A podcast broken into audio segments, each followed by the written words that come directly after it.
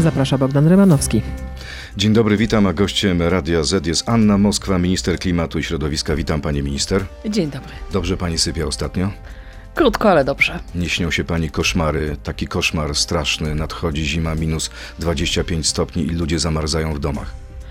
E, koszmary takie mi się nie śnią, natomiast y, zajmujemy się tymi tematami w ciągu dnia, tak żeby, żeby te koszmary nie stały się rzeczywistością. No właśnie, jeszcze jeden koszmar. E, ten węgiel e, jest nie do zdobycia i ludzie wychodzą na ulicę i wywożą was na taczkach. Nie obawiamy się, że węgla zabraknie. Y, to, co będzie potrzebne przy zakupach węgla, to cierpliwość.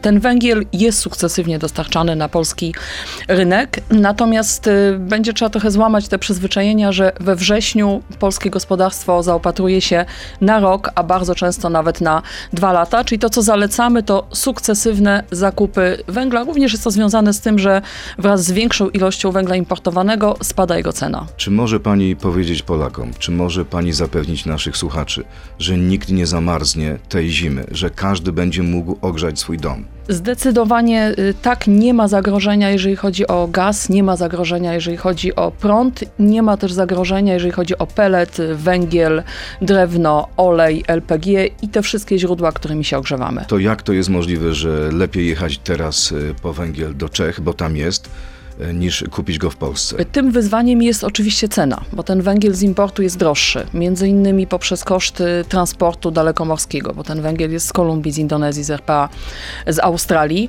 E, rozumiemy oczywiście, że każdy chce się zaopatrzyć w ten polski e, tańszy węgiel, ale patrząc na to wydobycie, które w Polsce jest na dzisiaj, nie ma możliwości, żeby każde gospodarstwo domowe kupiło jeszcze z zapasem, bo takie jest też oczekiwanie, ten węgiel w polskich kopalniach pytanie od naszego y, jednego ze słuchaczy. Czy nadal wstrzymywać się z zakupem węgla, tak jak zachęcał na początku rzecznik rządu Piotr Miller? Znaczy, oczywiście za chwilkę y, ten sezon grzewczy, a w wielu miejscach, tam gdzie temperatura w nocy spada do 0,3, ten sezon już się y, zaczął, więc y, w miarę potrzeb każdy obywatel w ten węgiel się musi zaopatrzeć. Natomiast jak najbardziej zachęcamy do tego, żeby się wstrzymywać z tymi dużymi zakupami, bo też tak jak widzimy, ten węgiel z wydobycia konsekwentnie trafia na rynek. Ta niewielka, ale jednak też ilość węgla ukraińskiego też trafi na polski rynek. No dobrze, ale porozmawiajmy jakości tego węgla. Dominik Kolosz, lider Solidarności ze Śląska, mówi, że węgiel, który państwo sprowadzają, po prostu jest bardzo słabego gatunku. Sprowadzacie kota w worku? Sprowadzamy ten sam węgiel, który był sprowadzany do Polski w ubiegłych latach. E, między innymi ten węgiel kolumbijski, ten sam, który, który sprowadzają Niemcy, ten sam, który sprowadzają Czesi i wiele innych państw europejskich. E, dlaczego go przesiewamy w Polsce? Z tego powodu, że ten dalekomorski transport mógłby spowodować i powoduje fragmentację e, tego węgla. W związku z tym, jak on wpływa do polskiego portu, dopiero tu jest przesiewany i ten węgiel niższej jakości, tak jak zawsze, trafia do energetyki i zawsze tak było i ten polski, i ten zagraniczny, a ten odsiany, te większe bryły lepszej jakości trafia do gospodarstw domowych. Y, sytuacja chyba nie jest taka różowa, bo Dominik Kolosz mówi tak, Warszawa nie rozróżnia węgla od węgla. Dla nich czarne to czarne, a tymczasem węgiel z Indonezji to jest glina w której czasami znajdzie się bryłkę węgla. Pojawiło Pytanie się, jest, czy ktoś to w ogóle kontroluje? Jak najbardziej, y, zarówno jeżeli chodzi o te parametry, które dostajemy, potem kontrola w porcie, potem po przesianiu. Więc Ale kontrola są... jest w miejscu, skąd wywożony jest ten węgiel, czy dopiero w Polsce? Jest i na miejscu, jest i w Polsce, ale jeszcze myślę, że warto wspomnieć o takiej jednej rzeczy. Ja dzisiaj sobie spojrzałam na Twittera. Y, nie będę wspominała nazwisk y, polityków, ale to samo zdjęcie, które się pojawiło tydzień temu jako zdjęcie tych takich grudek niby takiego błota węglowego pojawiło się ze Szczecina Świnoujście. Dzisiaj to samo zdjęcie już się pojawia jako Gdańsk. Pytanie o wiarygodność tych wszystkich informacji, które się pojawiają. Twitter to jedno, e, wypowiedzi polityków to, to drugie, ale trzecie najważniejsze to jest dostępność tego węgla. Ludzie szukają tego węgla, czekają w kolejkach, tego węgla wciąż nie ma. Tutaj mówimy o węglu z polskiego wydobycia. To jest Bogdanka, to jest Tauron, to jest JSW, to jest Polska Grupa Górnicza i tutaj nie jesteśmy w stanie zapewnić, zapewnić, że węgla z polskiego wydobycia wystarczy i tego nigdy nie obiecywaliśmy, dlatego też rozpoczęliśmy bardzo duży import. Na dzisiaj już 7,7 tego węgla z importu do Polski wpłynęło. Mamy jeszcze te 2,7, które z kierunku rosyjskiego od początku roku się na rynku pojawiło i z tego, co mamy zakontraktowane do końca roku, to już jest 80%. 5 milionów łącznie już przesianego węgla przez cały sezon pojawi się z importu. Jaka Wyzwaniem będzie jest cena tego węgla? Na dzisiaj w tych umowach, y, które są podpisywane przez y, PGE Paliwa i Węglokoks, to jest dwa, średnio 2100 y, netto. W takiej cenie węgiel trafia na składy, więc dodajemy do tego podatek. No i prawdopodobnie składy jakąś zakładamy No racjonalną właśnie, marżę. i to, jest, to jest cena marzenie, dlatego że są takie sytuacje, kiedy ten węgiel kosztuje 6-7 tysięcy za tonę. E, Słyszałam o takich sytuacjach, ale też e, na bieżąco te ceny sprawdzamy. Poprzez naszych polityków, e, też przez nasze wizyty, przez ankiety, telefony, bo wykonujemy też tą pracę. To, co widzimy na dzisiaj na tych składach, często na bazarach czwartkowych, bo ten węgiel tradycyjnie się pojawiał w Polsce w różnych miejscach i nadal się pojawia, to jest cena 2500, 2600, 2800, y, 3000. I to jest ten węgiel zarówno krajowy, jak i węgiel z wydobycia. Przypomnę, że mamy w tym wszystkim dodatek węglowy 3000 na gospodarstwo O domowe. dodatku węglowym będziemy jeszcze rozmawiać. Pytanie, co jeśli chodzi o podwyżki cen energii? Była taka zapowiedź sprzed dwóch dni prezesa Kaczyńskiego, że prąd dla każdej rodziny do wysokości 2000 kWh będzie po cenie dotychczasowej. Czy pani może to potwierdzić? Kiedy poznamy szczegóły tego, tego pomysłu? Tak, to, to potwierdzamy. To 2000 to jest średnie zużycie w polskim gospodarstwie y, domowym i do tego zużycia y, blokujemy cenę na poziomie ceny dotychczasowej. Y, Nad pozostałymi rozwiązaniami pracujemy zarówno na poziomie krajowym, jak i na poziomie europejskim. Jest wiele regulacji, przepisów dotyczących rynku energetycznego, które są rynkiem wspólnym europejskim i tylko tam te zmiany się mogą dokonać. Jasne, ale to jest jakby kwestia też prawa krajowego. Pytanie jest następujące. Ile rodzin skorzysta na tym pomyśle, na tej propozycji? Co z tymi, którzy jednak zużywają więcej energii? Według naszych y, kalkulacji mm, to są wszyscy, którzy tak naprawdę są w tej taryfie podstawowej, czyli około 6,5 miliona y, odbiorców na dzisiaj w tej taryfie, ale Jaki też to jest procent? Tutaj y, tak naprawdę to jest większość gospodarstw domowych, która ma y, taryfę. Oczywiście są też osoby, które podpisały umowy indywidualne y, z dostawcami na rok, dwa, trzy, ale tam ta cena jest już zablokowana, bo to są umowy z gwarantowanymi cenami, czyli de facto możemy powiedzieć, że jeżeli chodzi o gospodarstwa domowe, to tych podwyżek do tych 2000 nie będzie nigdzie. A co z ewentualnymi ulgami, jeśli ktoś tego, tej energii zużyje mniej? Myślimy też nad rozwiązaniem, które by zachęcało do y, oszczędności. Te oszczędności w gospodarstwach domowych już widać. Widać je w gazie, widać je y, w prądzie. My Ale wie pani, że to nie są dobrowolne oszczędności. Ludzie po prostu oszczędzają każdą złotówkę. jesteśmy o tym y, przekonani, tak to działa, że jeżeli coś przynosi korzyści na rachunku, to wtedy my jesteśmy mobilizowani do działań jako Polacy, ale ja też wierzę, Ale że... jak bardzo musimy zbiednieć, żeby, Ja żeby też- wytrzymać? Ja też wierzę, że wiele tych działań, które są podejmowane, to są działania, które powinniśmy w gospodarstwach domowych y, podjąć od dawna i to zarówno jeżeli chodzi o prąd, o wodę, y, o całość oszczędzania. Y, Musimy jeszcze sporo się nauczyć, jeżeli chodzi o te dobre nawyki, wyłączanie, włączanie światła, nietrzymanie ładowarek, y, y, ogrzewanie na niższym, na poziomie niższych temperatur, przestrzenie wspólne w blokach, gdzie ciągle widzimy pootwierane okna, termostaty w tych przestrzeniach wspólnych na najwyższym y, poziomie. Dużo możemy zrobić. Możemy wymienić żarówki. Myślę, że każde gospodarstwo domowe y, może sobie zrobić taki rachunek sumienia i przyjąć program y, A pani oszczędzania. sobie zrobiła taki rachunek sumienia? Pani Ja już go- oszczędza? Ja go Co się zmieniło dużo, w pani życiu? Ja go zrobiłam dużo wcześniej, obniżając temperaturę w domu i rzeczywiście te dwa Przy jakiej stopnie temperaturze pani funkcjonuje? funkcjonuje w temperaturze y, 17 w przestrzeniach wspólnych, 19 y, w, tych bardziej użytkowanych To niewiele, to chyba chodzi pani w rękawiczkach i w czapce. Nie, można się do tego y, przyzwyczaić, to też jest zdrowa temperatura dla y, organizmu. Y, trzeba też pamiętać o tym, żeby okno dobrze regulować. Dużo takich naprawdę drobnych rzeczy, proste ocieplenia w domach mogą nas doprowadzić do dużych oszczędności. No dobrze, to jest jakby kwestia pewnego życzenia czy wyzwania dla nas wszystkich, ale to rząd odpowiada za to, żeby była dostępność węgla, żeby były niższe rachunki. Wracając i kończąc sprawę węgla, czy węgiel będzie, czy rzeczywiście każdy, kto chce kupić ten węgiel, go dostanie? Tak, węgiel jak najbardziej jest i y, będzie y, i będzie dostępny na tych składach, gdzie dotychczas można było go zakupić. Wyzwaniem ciągle jest cena. Cena, jak pani myśli, ona się może ustabilizować na, jakiejś, na jakimś poziomie? Znaczy zdecydowanie ta większa dostępność węgla, jak przy każdym surowcu, będzie powodowała spadek y, jego ceny, y, ale też i mniejsze zapotrzebowanie, bo To jest kwestia siłą rzeczy... tygodni czy miesięcy? Bardziej bym powiedziała, że to jest kwestia miesięcy, pewnie listopada, grudnia, stycznia, przełomu roku, kiedy to zapotrzebowanie Ale na już węgiel będzie po zimie wtedy. będzie ten węgiel za To już możemy być zamrożeni. E, Tak, ale oczywiście przy tym założeniu, że kupujemy stopniowo, a takie założenie możemy przyjąć i widzimy, że e, szkoły, te mniejsze jednostki też w ten sposób zakupują, ale też tak zakupuje energetyka, że stopniowo ten węgiel się e, pojawia. Anna Moskwa jest gościem Radia Z. Kończymy część radiową. Zapraszam Państwa do internetu na Radio Z.pl, Facebooka i YouTube'a. Tam panią minister zapytam między innymi o tym, o to, co chce dla nas e, Unia Europejska. To jest gość Radia Z.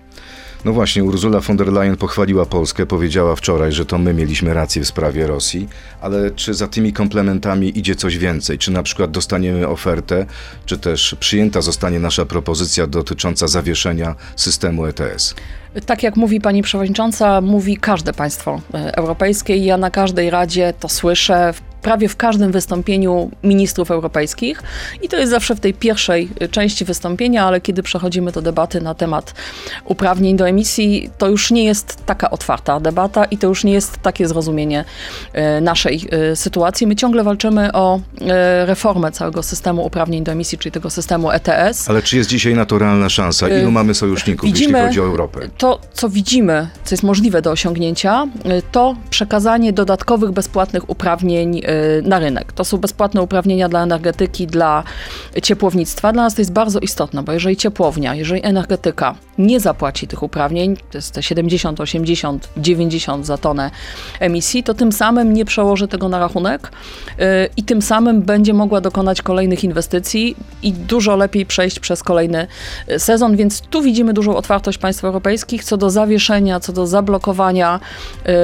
ETS-u na określonym poziomie. Y, To poparcie jest dużo mniejsze, ale to oczywiście wynika z tego, że większość państw nie ma tego wyzwania. My mamy 70% z węgla, y, państwa mają po kilka procent y, Może to jest tak naprawdę ilości. państwa wina, wina rządów Prawa i Sprawiedliwości. Opozycja pyta, gdzie są pieniądze, miliardy ze sprzedaży praw do emisji CO2. Oczywiście wokół Te y, pieniądze można było wykorzystać na zieloną transformację i ta energia byłaby tańsza, ale nie jest. To patrząc, że mamy te 70% y, z węgla ciągle, to absolutnie nie są to takie środki, które by nam pozwoliły na taką transformację, ale też jest to wyzwanie technologiczne. My często w Unii Europejskiej rozmawiamy i ja pytam, nawet ostatnio pytałam, no dobrze, jeżeli w polskim ciepłownictwie systemowym nie węgiel, to co? Jako to stabilne źródło, które działa w grudniu, w styczniu, bez względu na to, czy jest wiatr, czy słońce i na tym się ta dyskusja kończy. Wtedy padają odpowiedzi, a może wodór? Ten wodór, którego na dzisiaj nie ma i którego nie możemy używać y, w ciepłownictwie, to jest nie tylko wyzwanie czasowe, finansowe, ale duże wyzwanie technologiczne. Pani minister, konkretne pytanie od naszego słuchacza Pawła. Jak rząd realnie zamierza chronić szpitale przed odłączeniami prądu? Jeżeli chodzi o y, szpitale, to co mamy na dzisiaj, to mamy y, dobre rozwiązanie w ciepłownictwie i tu już jest wsparcie dla y, szpitali. Za chwilkę ustawa wchodzi w życie, więc to mamy zaadresowane. Nie zabraknie Jeżeli- prądu w szpitalach? Nie nie zabraknie- zabraknie prądu w szkołach? Absolutnie nie ma takiego zagrożenia. Węgiel w polskiej energetyce jest, on jest na bieżąco dostarczany. Nie ma wyłączeń, nie ma jakiejś sytuacji niestabilności w Ale systemie. widzi pani, punkt widzenia zależy od punktu dlatego że prezydent Rzeszowa, pan Fiołek, y, mówił w wirtualnej Polsce, że niedawno rozstrzygnął przetarg na prąd. Y, Ceny są o cztery razy wyższe niż dotychczas. To kilkadziesiąt milionów złotych wie mniej e, na wydatki, które ma jako samorządowiec. Tak, I dlatego teraz jest też- pytanie, jak to ma funkcjonować? Dlatego samorządy też dostały te dodatkowe środki, te 13,5 Mówią, że to jest za mało, pani miliarda. Mogą je przeznaczyć na energetykę. Pracujemy też nad obniżeniem taryfy dla wszystkich i tu pracujemy nad y, tymi rozwiązaniami na poziomie europejskim. Mamy też rozporządzenie na poziomie krajowym, dosyć skomplikowane do wytłumaczenia, natomiast wpłynie na pewno na obniżenie cen. Jeżeli te wszystkie rozwiązania wejdą na polski rynek, znacząco też spadną ceny zarówno dla odbiorców indywidualnych, jak i dla podmiotów takich jak szpitale, ale myślę, że warto też wspomnieć o jednej rzeczy. My analizujemy też tą drugą stronę. Mimo tego kryzysu, w którym znajdujemy się i my, y, i, wszyscy obywatele Europy, wiele samorządów nadal odebrało dywidendę ze swoich y, jednostek, i to z ciepłowni, i to z wodociągów. Jesteśmy w sytuacji kryzysu, a te pewne negatywne zachowania i przyzwyczajenia w samorządach ciągle mają miejsce, więc y, Ale, ale pan prezydent Fiołek mówi nieprawdę mówiąc, przede mną radykalne decyzje. Trzeba będzie albo zamknąć kilka instytucji i zwolnić ludzi, albo sprzedać cenny majątek miejski. Takie są dylematy, przed którymi staną prezydenci miast. Znaczy, na pewno ta sytuacja w energetyce dla wszystkich w tym roku jest y, wyzwaniem, ale jeżeli popatrzymy na te dodatkowe środki, na te y, zmiany w systemie taryfowania y, i blokowanie cen, podwyżek cen w energetyce, dzięki tym wszystkim procesom, dzięki obniżeniom VAT-u i wszystkich podatków na energię ciepło, jesteśmy w stanie przez tą zimę przejść suchą stopą, ale oczywiście nie bez poświęceń i na poziomie samorządów takie działania, które by wsparły te wrażliwe sektory wrażliwe podmioty, też muszą być podjęte. Poświęcenie to jedno, a bankructwa to drugie. Rzecznik małych i średnich przedsiębiorstw, pan Adam Abramowicz, alarmuje, że ten wskokowy wzrost rachunków za prąd i gaz doprowadzi do tego, że po pół roku zostaną tylko na rynku duże sieci handlowe, że padną wszystkie małe sklepy. Czy grozi nam katastrofa pod tym względem? Tutaj wyzwaniem jest nie tylko prąd, ale też gaz, bo wiele tych przedsiębiorstw pracuje w oparciu o y, gaz. Istotne by było dla nas na poziomie Unii Europejskiej y, zablokowanie y, ceny gazu. Jest już grupa państw, która popiera to rozwiązanie, pracujemy nad tym, nawet dzisiaj mamy też spotkanie. Ale ta sprawa w ubiegłym tygodniu upadła, kiedy pani w była na ubiegłym szczycie. tygodniu nie pojawiła się w oficjalnym komunikacie. Wczoraj ta propozycja wróciła. Jest znowu grupa państw, która je popiera, więc jest przedmiotem prac. Dzisiaj nawet będzie spotkanie. Robimy wszystko, żeby to rozwiązanie wróciło y, na stół. Y, Jednocześnie też wnioskowaliśmy o poluzowanie ram pomocy publicznej y, dla małych i średnich przedsiębiorstw, bo przede wszystkim o tej grupie y, mówimy. Taka propozycja wstępna we wczorajszym dokumencie Komisji Europejskiej się y, pojawiła. No i to, o co też apelujemy, to otwarcie funduszu na poziomie Unii Europejskiej dla małych i średnich przedsiębiorstw. Ta grupa nie znalazła się w tym programie pomocy, y, który ma pomóc przetrwać Europie zimę. A zgodzimy się na ten podatek od firm energetycznych. To jest propozycja też Komisji Europejskiej, czyli tak naprawdę i Orlen i PGNiG powinny się podzielić tak z rządem, a rząd przekazać te pieniądze potrzebującym. Roz- Będzie takie rozwiązanie? My rozważamy taki pomysł y, na poziomie krajowym y, jako źródło finansowania dodatków i systemu wsparcia w energetyce i ciepłownictwie. To, na co się nie zgadzamy, to na wprowadzenie takiego rozwiązania na poziomie Unii Europejskiej. Y, Po pierwsze, takie rozwiązanie wymaga jednomyślności, a, no bo jest to rozwiązanie podatkowe, a nie głosowania większościowego. Y, Każdy podatek, każda dodatkowa opłata w Unii wymaga jednomyślności. Ta propozycja z ostatnich dni wskazuje na głosowanie większościowe. No i z drugiej strony my mamy tak różne systemy energetyczne. W Polsce w energetyce mamy bardzo mało gazu, 5, 7, 10%. W większości państw europejskich gaz jest podstawą energetyki, więc nie da tu się wypracować jednego systemu, jednego procentu, czy Czyli jednego... na razie jesteśmy sceptyczni, będzie sprzeciw, Będzie sprzeciw. My jesteśmy gotowi na takie rozwiązania na poziomie krajowym. Ale nie zgodzimy się na mechanizm unijny. nie zgodzimy się na Chyba, że mechanizm nas unijny. przegłosują, E, jak to bywało niedawno. Składamy, złożyliśmy No też oficjalny wniosek e, o tą jednomyślność. E, Tutaj mamy różne podejścia państw europejskich. Wiele państw nie zgadza się na takie rozwiązania Pani na poziomie minister, unijnym. kolejne pytanie od naszego słuchacza dotyczy pani męża. Pan Jan, czy y, pani mąż odpowiedzialny za rzeki i pan Zbigniew Ziobro znaleźli już winnych zatrucia Odry?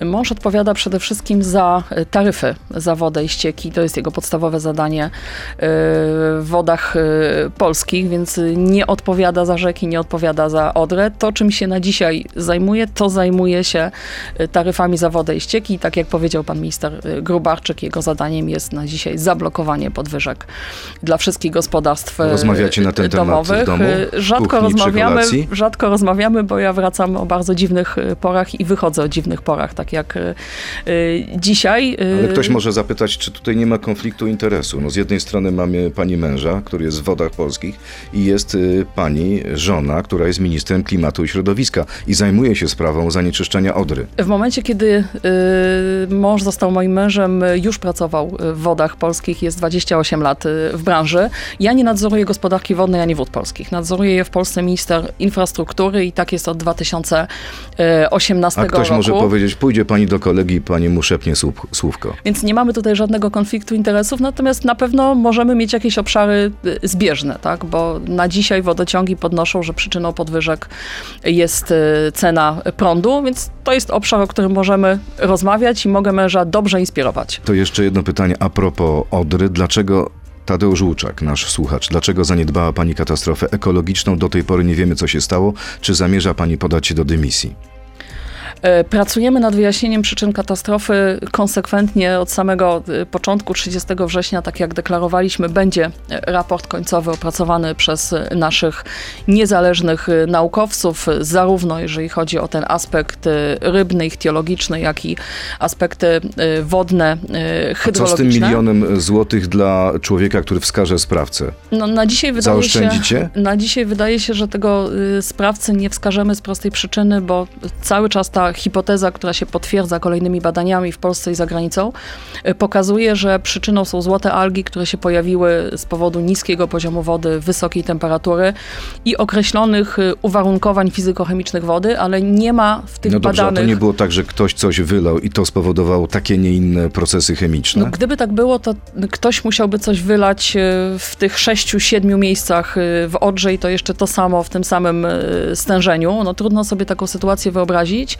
Na pewno zbieg tych różnych okoliczności i parametrów e, wody i tych wszystkich zrzutów, które też miały miejsce, legalnych zrzutów oczyszczonych e, ścieków i parametry w jakich była woda w tych dniach, spowodowały pojawienie się tego gatunku, który wpłynął negatywnie na ryby. Kolejne pytanie od naszego słuchacza. Realpolitics, taki nick. Y, Dlaczego Polska zgodziła się na zakaz sprzedaży aut spalinowych do 2035 roku? Czy pani minister Moskwa ma świadomość, skąd się weźmie prąd do tych y, elektrycznych samochodów? Czy pani y, minister wie, ile kosztują dzisiaj auta elektryczne? E, Nigdy nie zgodziliśmy się na zakaz aut spalinowych po 1935 roku. E, Podejrzewam, że słuchacz referuje do dokumentu, który był na szczycie klimatycznym e, w tamtym roku. I tam my wyrażaliśmy deklarację, że chcemy rozwijać elektromobilność w Polsce. Natomiast nigdzie w żadnych oficjalnych dokumentach nie mówimy, że ten 35 to jest odejście od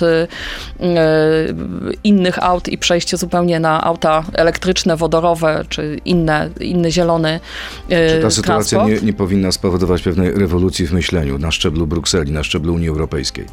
Oczywiście powinna yy, i my mieliśmy taką nadzieję, że spowoduje i oczywiście ona powoduje refleksję w jednym dobrym kierunku, że y, Putin, Federacja Rosyjska, Gazprom to nie jest wiarygodny y, partner, trzeba było wojny, żeby Unia Europejska do tego wniosku doszła i to odejście od gazu rosyjskiego jest już na dzisiaj faktem i państwa mają to w swoich oficjalnych politykach. Nie jest faktem odejście od szalonych polityk y, klimatycznych, wręcz przeciwnie, w wielu państwach europejskich jest y, rekomendacja przyspieszenia działań transformacyjnych.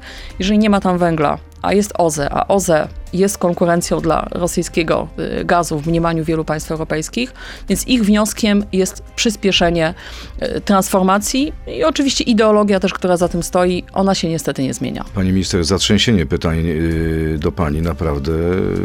Wysyłałem to pytanie, to jest z kolei Jacek Wielgosz, parę miesięcy temu. Powiedziała pani, że pani to sprawdzi. Ile zarabiają członkowie zarządu spółki odpowiedzialnej za budowę elektrowni atomowej w Polsce, którzy jeszcze nie wyznaczyli lokalizacji? Wykonawcy, można odpowiedzieć tylko tyle, że odbierają wypłaty.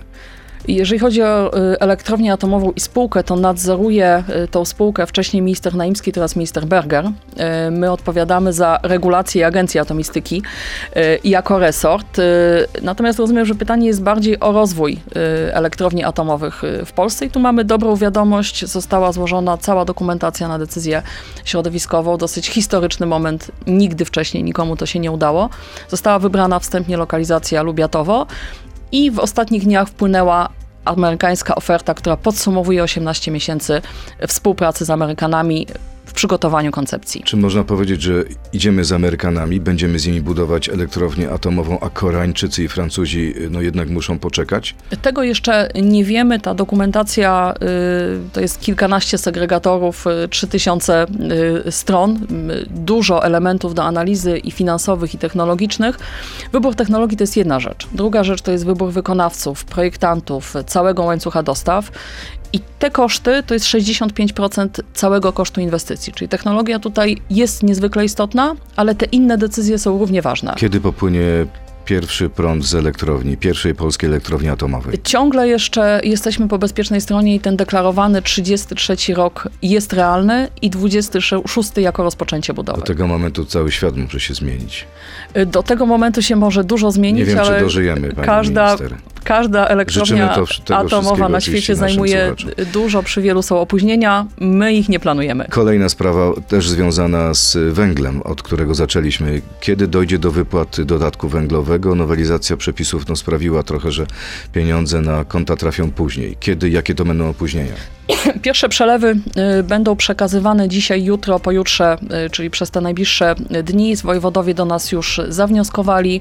Y, Pieniądze z Ministerstwa Finansów otrzymaliśmy, więc jesteśmy gotowi do wypłaty, ale też wiemy, że gminy w związku z tym, że są sytuacje, że pod jednym adresem mają więcej niż jedno gospodarstwo domowe, gminy podjęły działania sprawdzające, nawet nie czekając na wejście w życie ustawy. Na ona- czym to sprawdzanie będzie polegać? Będą chodzić po domach kontrolerzy i Może- sprawdzać? może Rewizje gmina- będą w domach? Może gmina sprawdzić, natomiast ma też dużo dokumentów, bo to często jest ta sama osoba, która wypłacała albo wypłaca teraz dodatek osłonowy, albo y, przyjmuje deklaracje odpadowe, y, albo wypłaca świadczenia socjalne, gdzie wszędzie jest definicja gospodarstwa domowego. Wystarczy porównać. Często się zdarza, że jednego dnia wpływa wniosek na dodatek osłonowy i wpływa wniosek na dodatek węglowy i to już jest ta pierwsza weryfikacja. Przypomnę, jest odpowiedzialność karna za składanie fałszywych oświadczeń, urzędnik, y, dyscyplina finansów publicznych, więc y, tych elementów, które zabezpieczają y, dobre wydawanie tych środków publicznych jest dużo i urzędnicy te narzędzia mają Ale i można stosują. powiedzieć, można powiedzieć, że mamy taką falę wniosków. Często to jest na jeden dom dwa,